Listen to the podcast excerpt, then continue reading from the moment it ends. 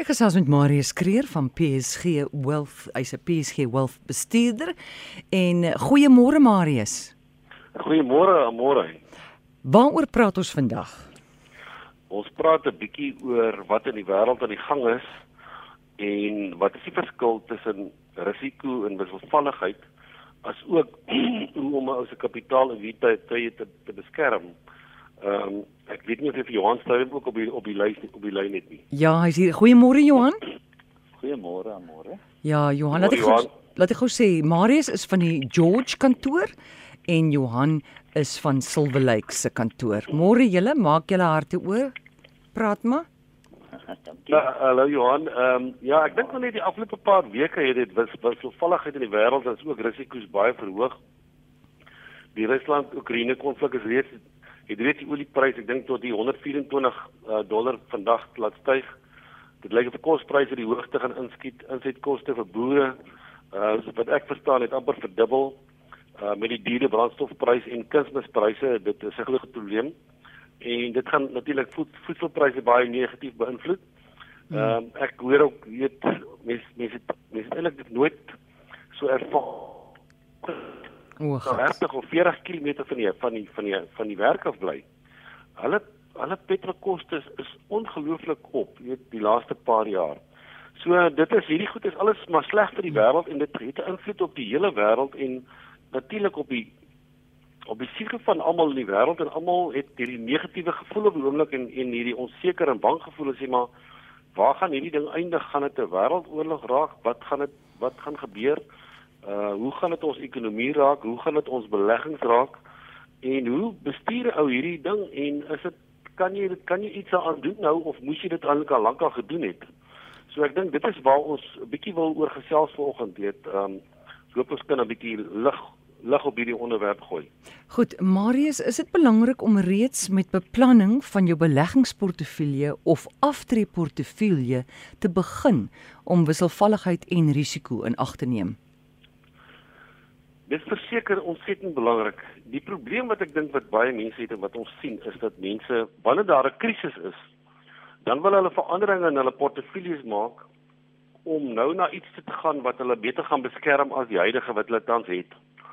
En eintlik moes hierdie beplanning gedoen het be, uh, gebeur het toe jy voor jy jou belegging gedoen het. Met ander woorde, iemand moes vir jou 'n beplanning gedoen het. In in daai beplanning moes jy 'n paar goed gedoen het. Jy moes van dag 1 af besluit het jy soek opbrengs en jy soek nie korttermyn opbrengs nie want dan gaan jy spekulant wees. Uh jy moet jou portefeulje so bou dat jy oor 'n lang termyn uh, inflasie plus uh, opbrengs gaan kry. Uh verder moet jy weet dat die planne wat jy nou maak gaan heel moontlik daar gaan dinge verander. Met ander jou plan gaan nie noodwendig uitwerk vir altyd nie. Jy gaan dit lank langs die pad moet aanpas.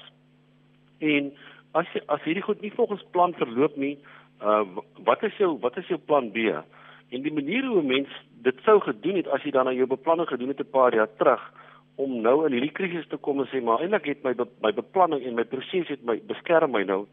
Moes jy op daai stadium al besluit het om jou portefeulje portefeulje te diversifiseer met plaaslik en in die buiteland, verskillende sektore, as ek miskien net vinnig daaraan kan raak is As jy nou van 2014 af tot 2018 mynbou aandele ge gehad het in Suid-Afrika, dan het jy regtig geen geld gemaak nie.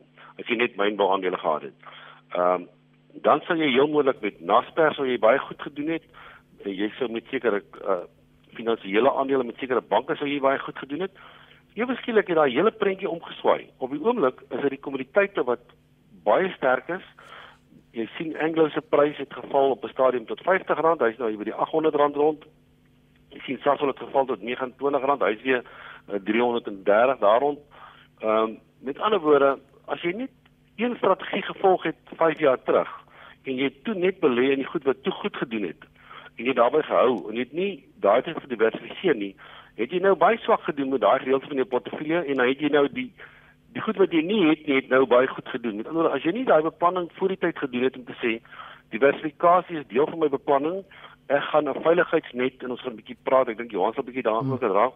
'n Veiligheidsnet bou om waar genoeg kapitaal ek ontvang wat ek nie nou aan daai beleggings te raak wat nou geval het omdat die wêreld on, in onsekerheid geval het nie. ek het vir my eintlik 'n veiligheidsnet geskep wat my vir 2 of 3 jaar gaan dra en daarom kan ek nou hierdie tyd oorbrug. Met ander woorde, my boodskap is maar net moenie wag tot jy 'n krisis het om jou portefeulje te probeer regtrek nie. As jy die beplanning voor die tyd gedoen het, gaan jou portefeulje jou deur hierdie tyd kan vat en gaan dit deur die die tyd die toets van die tyd kan weerstaan. Goed, ons gaan nou by Johan uitkom. Ek wil gou laasens by jou weet, hoe verskil wisselvalligheid van risiko? Ja, risiko definieer ons as iets wat kan gebeur wat jou kapitaal kan uitwis. Met ander woorde, hier's 'n maatskappy wat iets gaan doen of wat in 'n mark opereer wat as daar iets met hom gebeur kan die hele maatskappy tot niet gaan. Kom ons sê nou maar dis 'n maatskappy wat tans uh geld maak uit olie uit. Mm. van Rusland af. En nou kan hulle nie olie kry nie want daar is nou uh 'n klomp sanksies die maatskappy kan nie voortgaan nie. Met dit dit is 'n groot risiko. Maar as ons 'n maatskappy in 'n maatskappy belê byvoorbeeld soos Amazon of Apple of Microsoft wat die hele wêreld se se ehm uh, rekenaars gebruik as jy nou na Microsoft kyk, wat is die kans dat Microsoft iemand anders môre vir Microsoft gaan oorneem of vervang? Daar's eintlik 'n baie klein kans. Hmm. Maar daai prys van Microsoft kan op en af gaan soos wat die marksentiment op en af gaan of baie jare het hulle miskien 'n bietjie swakker jaar dan hulle dan hulle aandeleprys miskien 'n bietjie af. Dis was wisselvalligheid. Ons sien ons weet dit gaan gebeur. Wisselvalligheid gaan gebeur in 'n portefeulje. Dis heeltyd daar die rand versterk en verswak. Uh, jy sit met ekonomiese in, in, invloede wat jy het. Jy sit met weer invloed ehm uh, ehm uh, jy sit met krisisse wat jy kry as gevolg van storms en aardbewings en daai tipe goed. Dis wisselvalligheid. Jy kan daarmee saamleef. Jy kan beplan daarvoor, maar jy kan nie beplan dat as 'n maatskappy die hele maatskappy tot niet gaan nie. Dan beteken dit jy verloor al jou kapitaal en dit is die dit is risiko. Met ander dis die verskil wat ons sien tussen risiko en en wisselvalligheid. Goed, jy het 'n interessante punt wat ja. wat ek vanoggend raak gelees het is as ons nou praat van wisselvalligheid. Ehm um, Maart 2020 toe COVID die wêreld geslaan het, het die markte onmiddellik met 35% geval. Ehm um, September laas jaar was al reeds weer 100% op van daai laagtepunt af. Ehm um, dit is opvalligheid goed wat op en af gaan. Goed, Johan Strydom, verduidelik asseblief vir ons hoe jy wisselvalligheid bestuur en wat jy doen om kliënte se kapitaal te beskerm in die onseker tye. Môre ek dink Marius het het begin deur te sê mense moet 'n plan hê. Mm. Ek dink dis waar alles begin. Daar's 'n proses wat in plek moet wees. Dinge gebeur nie per ongeluk ehm um, dat dat dinge uitwerk later nie. So ons het 'n stap wat ons altyd sal begin en so ons doen 'n kontantvloei analise vir kliënte. En die gedagte van die kontantvloei analise is nie bloot om net te sê man jy het genoeg fonds, jy het nou kan nou aftree en jy kan jou leefstyl onderhou vir die res van jou lewe nie. Maar eintlik meer belangrik, dis om ons in staat te stel om presies te weet wanneer jy hoeveel geld gaan benodig uit daai portefeulje. Kom ek vat 'n voorbeeld. Jy het mos 'n maandelikse inkomstebehoefte. En dan sê jy vir ons, man, ons wil dalk oor 3 jaar 'n voertuig verkoop of ek wil elke tweede jaar koop of ek wil elke tweede jaar buiteland vakansie gaan hou. As ons daardie inligting het, dan kan ons begin om 'n toepaslike portefeulje vir 'n kliënt saam te stel vir sy spesifieke omstandighede. Want onthou elke kliënt se omstandighede verskil. Hy het ander behoeftes maandeliks of jaarliks of oor 5 jaar of oor 10 jaar. Dalk wil hy vir sy kinders 'n huis koop op 'n stadium. Dit gebeur eens later in die toekoms. Wat ons dan doen is as ons weet wat hulle watter behoeftes het hulle wanneer nodig. Sal ons gaan en ons sal 'n portefeulje saamstel en sê, kom ons vat hierdie behoeftes wat jy die volgende jaar, 2 jaar, 3 jaar nodig het. En ons sit dit in bates wat nie wisselvallig is nie. Ek noem dit jou lekker slaapbates. Met ander woorde, hierdie onsekerte tye hoef jou nie te laat wakker lê nie. Markte wat op en af spring, soos ons nou net gepraat het, gaan jou nie affekteer nie, want hierdie deel van jou pot, jou geldpot, is jou lekker slaapbates dis nie blootgestel aan wisselvalligheid nie. Maar net so, daai huis wat jy oor 5 jaar wil koop of die voertuig of die uitgawe wat jy oor 10 jaar wil hê, daai moet 'n groeibates wees, want daar het ons 'n ander doel wat mens wil bereik. Ek noem dit jou lekker eetbates. So die gedagte daar is natuurlik sal daardie deel van 'n huis se beleggings wel 'n bietjie wisselvallig wees. As ons nou kyk na die kliënte en kyk na die portefeuilles, natuurlik sal dit 'n bietjie al wees as gevolg van alles wat nou met die oorlog, die Rusland oorlog gebeur het. Maar wat ons probeer regkry is dat ons wisselvalligheid kan aanspreek oor jou korttermyn. Met ander woorde, daar nie dinge gaan rondspring oor die korttermyn nie, maar dat jy oor die langer termyn weet jy gaan inflasie klop. En dit is hoe jy jou welvaart bewaar, want jy moet oor tyd kan aanhou lekker eet en jy moet oor tyd jou welvaart kan bewaar en jou kapitaal kan laat groei. So dis jou eerste groot stap is om te sê kom ek kry 'n kombinasie in die portefeulje reg wat vir jou omstandighede genoeg lekker slaapbates het, maar ook vir jou omstandighede genoeg lekker eetbates het. Sodra ons daai kombinasie reg het, dan begin ons nou 'n bietjie krap binne hierdie portefeulje. Marius nou nog gepraat van diversifiseer. Dis daar waar ons sê ons kan nie alles in een belegging sit of op een bateklas sit. Ons kan nie alles in kontant hê of alles in eiendom hê of alles in aandele hê nie. Ons moet 'n kombinasie hê. Maar ons kan ook nie daaraan net een bestuurder is wat al hierdie goed bestuur nie. Want elke bestuurder het 'n ander beleggingsstyl. So mense moet dit verstaan en dan moet jy dit goed begin kombineer sodat hulle mekaar aanvul. Dis diversifikasie. Ons wil nie alles in hmm. een land hê nie. Ehm um, en dan kry ons dit reg dat jy eerstens 'n kombinasie het wat jy lekker slaapbates het, wat jy lekker eetbates het, maar wat jy dan binne hierdie kombinasie goed gediversifiseer is. Maar as ek en jy daaroor gesels in die laaste dag of wat, ehm um, die hele kwessie van diversifikasie, miskien kan ek net vinnig dit noem.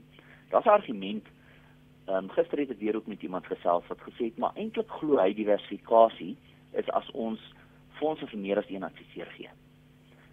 Die dis 'n geldige argument. Die risiko met daai argument is net dat wat kom ons sê daar's nou waarde in Suid-Afrikaanse aandele. Wat jy sal ondervind is dat al die adviseurs in Suid-Afrikaanse aandele ingaan. So wat gebeur met die risiko van jou portefeulje? Hy verhoog eintlik. So om so te diversifiseer, is daar 'n risiko dat jy baie betrokke moet wees om seker te maak hierdie ouens doen nie dieselfde ding nie. Ons gevoel is jy risiko jy diversifiseer nie regtig op daai vlak nie. Jy moet eerder seker maak jy kies die regte adviseur. En dan sit jy saam met daai adviseur en ons sal nou terugkom daarna. Gaan deur die proses, maak dan seker dat daar wel gediversifiseer is tussen alles. Ek weet nie maar of jy iets daarso wil byvoeg. Johan, ek wil net ja, daar byvoeg. Maar moet as ons nou diversifikasie kyk en ons ons sê maar ons ons gee geld op fondse vir verskillende fondsbestuurders. Al al, al bestuur almal aandele. Wat as toe weer reg kan ek gebruik altyd die voorbeeld van as ons die beste 4 golfspelers of 5 golfspelers, kom ons sê nommer 1 tot nommer 5 in die wêreld Suid-Afrika toe bring. Ons vat nou die eerste dag saam City toe dan gaan daai baan gaan sekere van daai golfspelers beter pas. Ou soos Bryson DeChambeau wat die bal 400 meter slaan, gaan hom 400 meter in die bos slaan en gaan sy bal nooit kry nie. En die volgende dag vat ons daai ouens Willekes toe. Dan gaan 'n ou soos Louis Oosthuizen dalk baie baie beter speel want hy's 'n windspeler. Hy kan ons weet nie hoe die baan lyk volgende jaar nie en daarom kies ons verskillende fondsbestuurders met verskillende style. Jy praat altyd hoor altyd in plaas van hier as jy 'n waardebenadering of 'n groeibenadering of hy's goeie in Engels noem dit 'n stock picker, hy kan goeie aandele kies.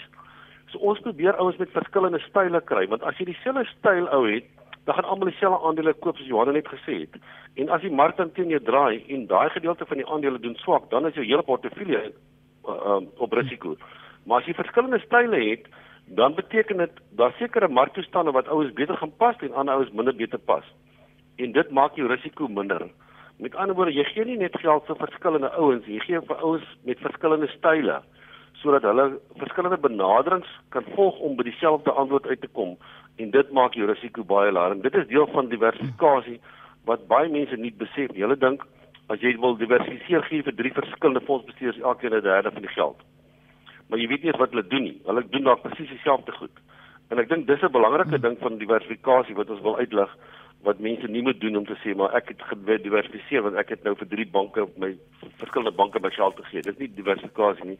Hulle doen presies dieselfde geld ding met jou geld. Goed.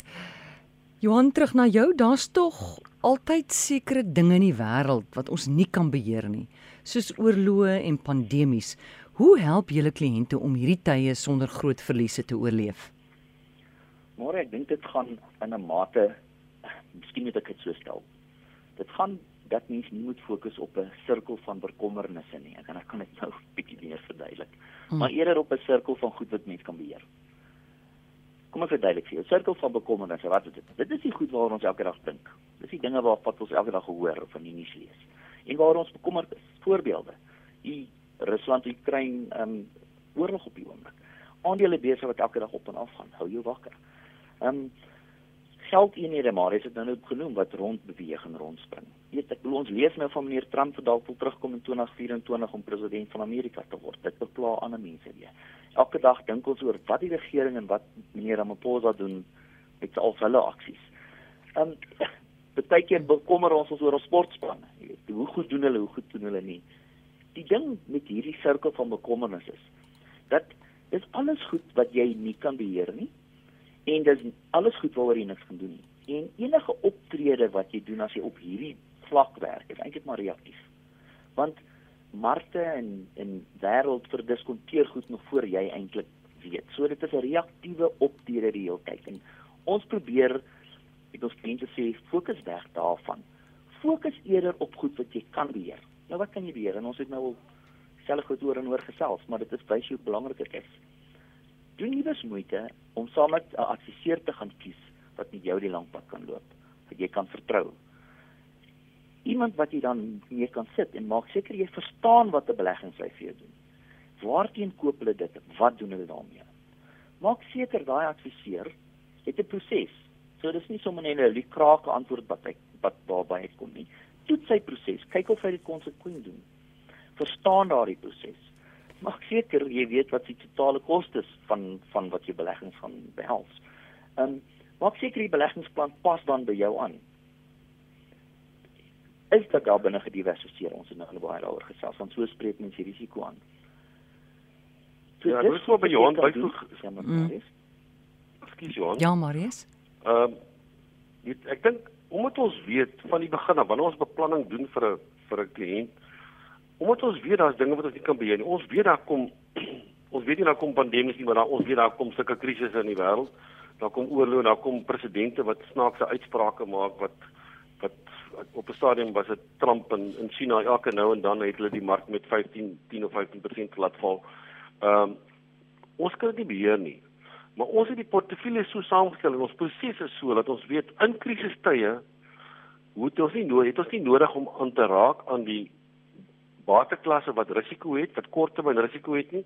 Ons het genoeg veilige bates en 'n veiligheidsnet geskep om daai tyd te herleef wat hierdie goed wat nou oor die korttermyn wisselvallig is, as daai wisselvalligheid weg is, dan gaan dit maar net weer aan. Ehm um, ek sê altyd as jy huis het en jy sit die huis elke maand in die mark gaan jy elke maand 'n ander aanbod kry. En die voordeel wat jy moet hê is jy moenie gedwing wees om die huis te verkoop daai maand nie, want as jy moet verkoop, dan moet jy daai prys vat. Maar as jy hom nie hoef te verkoop nie, dan kan jy vir iemand sê, "Man, ek het nie nodig om die huis te verkoop nie. Uh, hy kan maar nog net bly." En die prys gaan heel moontlik weer herstel. En jy moet in daai situasie wees, maar as jy dit as jy nie daar is nie, dan moet jy nou bates verkoop teen 'n afslagprys wat se prys nou geval het omdat jy moet lewe.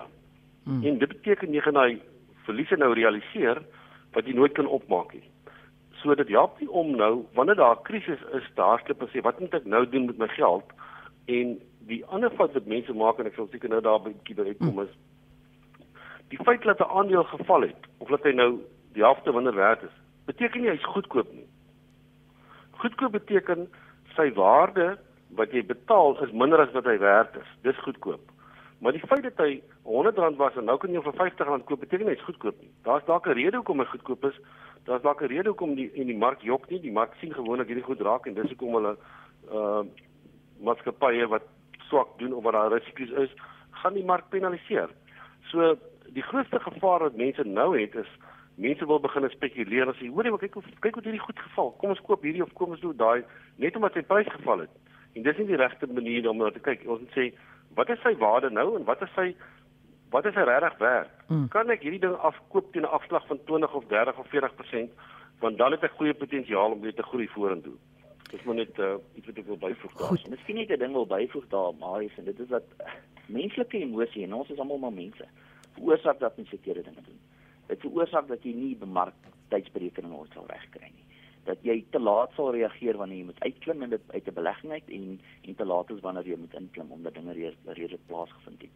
So die hele gedagte wat ons die boodskap wat ons eintlik vandag wil doen is mense moet proaktief wees. Jy moet 'n plan hê. Jy moet seker maak jy adviseer volg kan daai plan vir jou aan jou met mooi deurpraat sodat jy lekker slaapbates kan hê, sodat jy lekker eetbates kan hê en jy rustig kan wees, selfs in tye soos nou. Goed. Johan het vroeër genoem dat kies jou adviseur versigtig en toets sy proses. Hoe toets ek sy proses? En amore ek dink die eerste ding daar is is dat ons almal het 'n geskiedenis. Ons het almal redelik lank al met die kliënte te doen. So jy kan vra, wat doen jy? Vra vir die tip, vir die adviseur, wat doen jy om by jou antwoord uit te kom? Ons het nou nog gepraat van die kontantvloei. Ons hoe kies jy daai bestuurders? Ons het nou nou uit het Marius daarna verwys. Daar's 'n spesifieke manier om dit te doen. Dis nie net van ons kies 3 of ons kyk wat het wat het uh, laas jaar die beste gedoen en dan gaan ons so nie. Elke elke bestuur het 'n filosofie. Elke bestuurder het 'n sekere risiko bestuursproses. Hulle het sisteme. Ons vra oor by ons se ondervinding.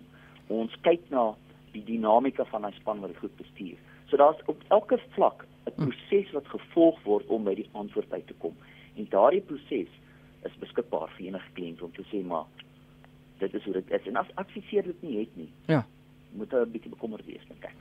Goed, Marius, wat is jou raad vir kliënte wat nou belangrike besluite moet neem met hulle beleggings en aftreegeld? Ja, ek weet eintlik ek is in 'n situasie waar ek nou my aftreegeld in hierdie markte ek en jy het so 2 weke terug daaroor gepraat en sê ons dink dit is 'n goeie tyd uh omdat markte reeds geval het en baie van die van die aandele kan jy baie goedkoper koop. Ek dink dit as 'n mens nou nuwe geld het wat jy in die mark wil sit, uh moet jy weer eens nie gaan en sê maar omdat die mark nou lyk die mark is nou goedkoop gaan ek alles op een slag indruk of hier is iets wat vir my baie goed lyk um en ek kry elke dag kliënte wat my bel daaroor sê dit het nou so geval moet ons nie dit koop nie moet ons nie dit koop nie. Dis korttermynsiening dis spekulasie moet dit nie doen nie.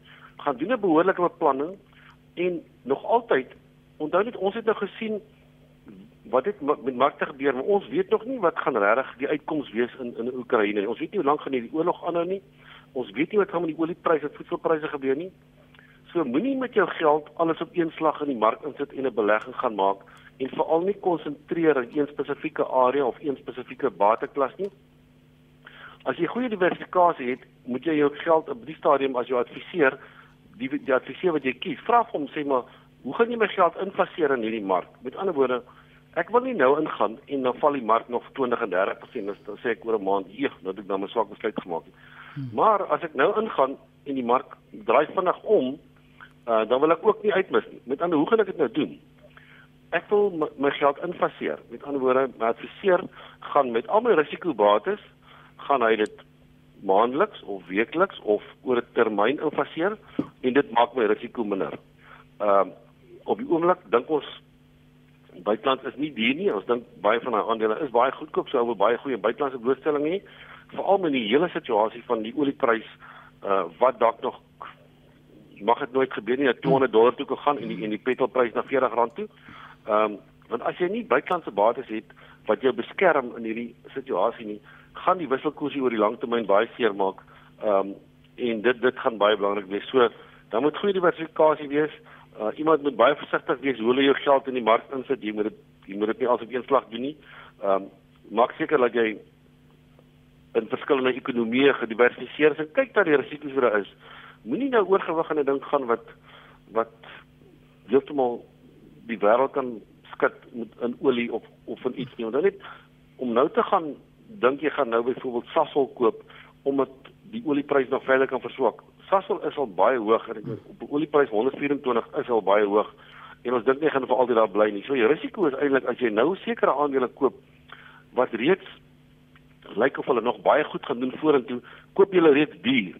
So as daar nou iewers 'n skikking kom in in in Rusland en ons hoop dit gebeur, ehm um, en die olieprys val ewe skielik na 80 of 70 rand toe, dollar toe, dan ewe skielik sit jy met 'n Sasol wat se prys baie kan val. So besof dit die risiko's wat daar is en moenie laat die goed wat vir jou baie aanloklik lyk, uh jou intrek om groot bets te maak. Ons sê altyd dis dis een van die foute wat wat mense maak is hulle maak geld. Hmm. Ek kry 'n bietjie geluk by en dan gaan lyk daar vir hulle een of ander ding wat nou so aanloklik is dat hulle omtrent al hulle geld daar indruk. En as dit dan nie werk nie, hmm. dan is jou hele gesin uh, op risiko dit maar het self sê dat um, ja. ons moet pas op om om oor die te soek oor die korttermyn want dan spekuleer jy. En mense is langtermyn beleggers en dit is waarna jy moet kyk en dit is waar saamgestelde groei 'n rol speel. Die ou storie van rente op rente. En ek dink in hierdie tyd is dit baie belangrik om om nie korttermyn fokus te wees nie. Goed, julle manne, hoorie ek hou van die idee van waar jy sê Marius, 'n mens moet nie oorgewig in 'n ding ingaan nie. Is dit wat jy gesê het? jy moet nou jy moet nou mooi sê hoe jy nou hoe jy dit kan ja, definieer nee, hierdie oorgewig. Nee, nee. Baie meeste van die goed moet jy nie oorgewig gaan nie. Goed. En dan Johan, ek hou van die slaapbates en die eetbates. Lekker slaap en lekker eet. Ja. Nou Marius, waar kan mense jou in die hande kry? Vir my of Johan, hulle kan ons kontak op ons uh, nommer 0861348190 ons landlyn of hulle kan vir my e-pos stuur marius.kreer uh, by psg.co.za en Johan, jy kan sommer jou e-posadres ook gee. Vir my kan hulle um, kontak by Jestrydom by psg.co.za. Goed, en dan die algemene nommer, weet daai een nommer waar mens altyd van julle in die hande kan kry, né? Herhaal ja. dit, Marius. 0861 Ja. 3348 190. 1900861348190. Ek het gesels met Marius Kreer van George se PSG kantoor, sê ek dit reg?